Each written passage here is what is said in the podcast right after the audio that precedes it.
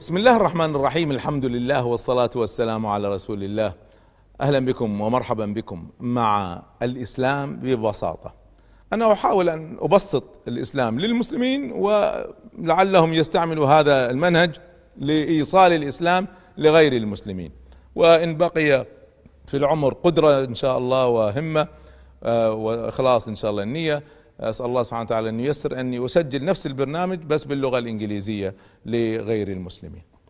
طيب كيف أشرح الإسلام ببساطة؟ أنا شخصيا أحب أن أشرح الإسلام ببساطة من مداخل أسميها مدخل.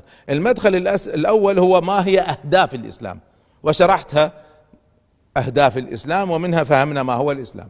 مدخل آخر نستطيع أن نفهم منه الإسلام ببساطة هو مدخل القرآن. مدخل القرآن. ونتعرف على الإسلام كله من مدخل القرآن لأن القرآن غطى الإسلام طبعا نتكلم كل عن كل الأساسيات تفاصيل غطتها السيرة والسنة لكن الأساسيات التي يحتاجها الناس المسلمين وغير المسلمين كلها غطاها القرآن كل الأساسيات ما في اسمعوا ما في ولا شيء من الأساسيات لم يغطه القرآن السنة جاءت مفصلة مكملة لكن لم تأتي بشيء من الأساسيات غير موجود في القرآن. طيب كيف نفهم الإسلام من خلال القرآن؟ نفهمه من خلال الأبواب. القرآن مقسم أبواب بس بطريقة الدوائر. فارجعوا إلى حلقة السلسلة والدوائر من فضلكم. آه هذه ستشرح لكم المنهجية التي القرآن يعرض بها أبوابه. فالباب الأول تحدثنا عنه وهو باب الله عز وجل. نحن الآن في الباب الثاني باب عالم الغيب والشهادة. في عالم الغيب أربعة فصول. الفصل الأول تحدثنا عنه وهو فصل الملائكة. الفصل الثاني وهو فصل الجن. وحببت أن أؤكد على معنى قبل أن ننتقل للفصل الثالث والرابع. وهو أن الجن هذا عالم موجود والله سبحانه وتعالى لأننا نؤمن أن الله قدير فهو قدير أن يخلق هذا العالم. والله سبحانه وتعالى علمنا ما نحتاج عن هذا العالم ما نحتاج زيادة. يعني أي شيء زيادة غير هذا ما, ما نحتاج نروح ندور ونفصل ونبحث عن تفاصيل هذه المسألة. كل اللي نحتاجه كل الذي نحتاجه موجود في القرآن والسنة. الآن القرآن والسنة علمتنا أن هذا الجني ما عنده سيطرة على الإنسان ما يستطيع يسيطر. لا يوجد صحيح حديث واحد صحيح في تلبس الجن بالإنس لا ولا حديث. جميع الأحاديث إما ضعيفة أو مختلف على صحتها. العقيدة ما تؤخذ من المختلف عليه. العقيدة من العقد من التأكد.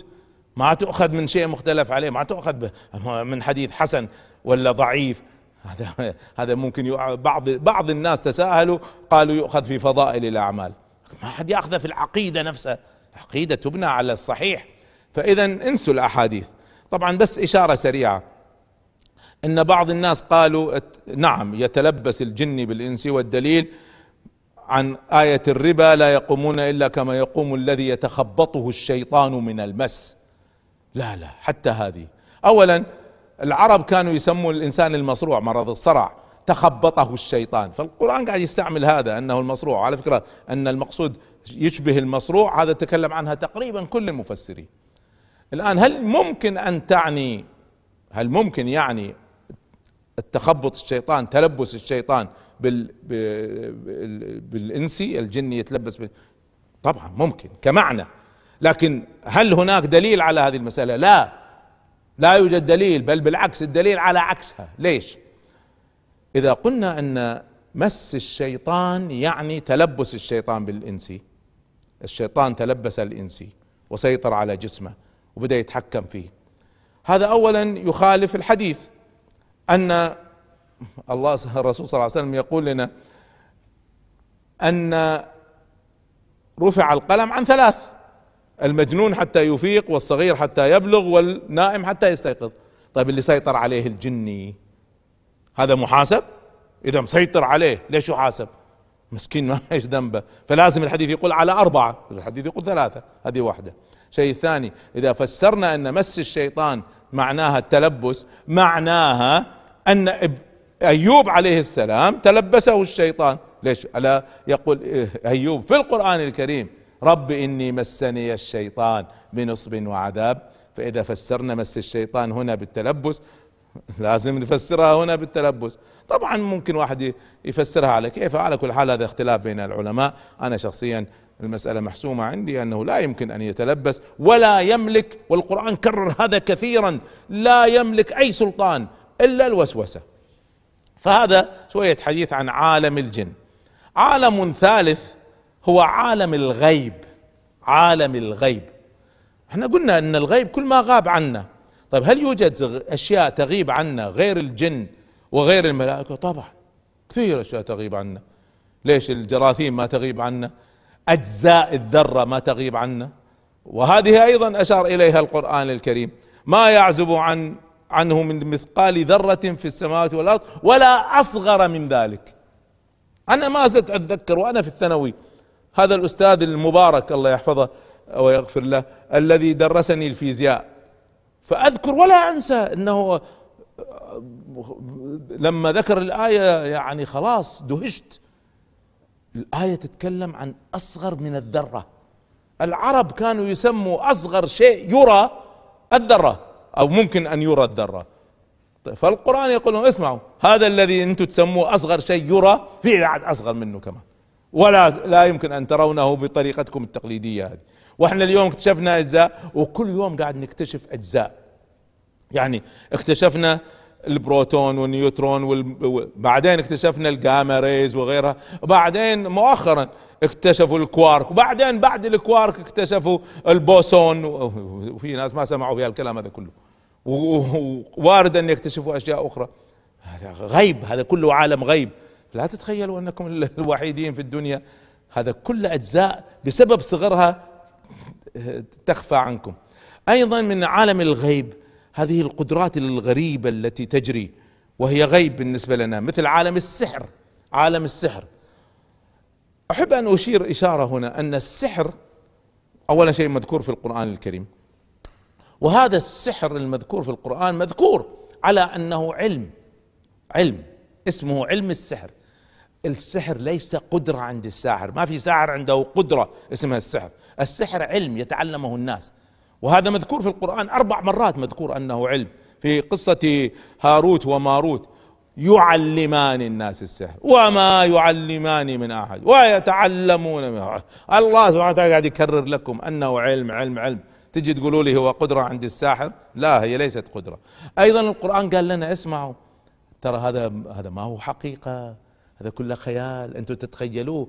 ما له حقيقة ما في ما في حقيقة للسحر. يقول الله سبحانه وتعالى فخيل إليه من سحرهم أنها تسعى. بعدين علمنا كيف نتعامل مع هذا العالم. فيا بنتي ولا يا أختي ما في ما في واحد مسحور. ما في مسحور هو ما يسحر الإنسان. ماذا يسحر؟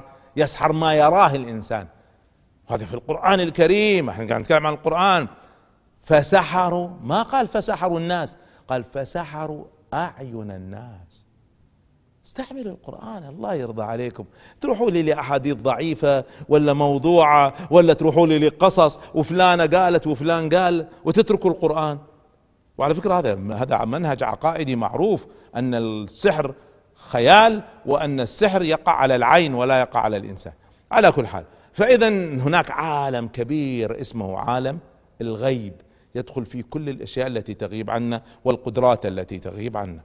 الفصل الأخير في هذا الباب باب عالم الغيب والشهادة هو الشهادة. الشهادة هي الأمور التي نشاهدها. الأمور التي نشاهدها. أوف.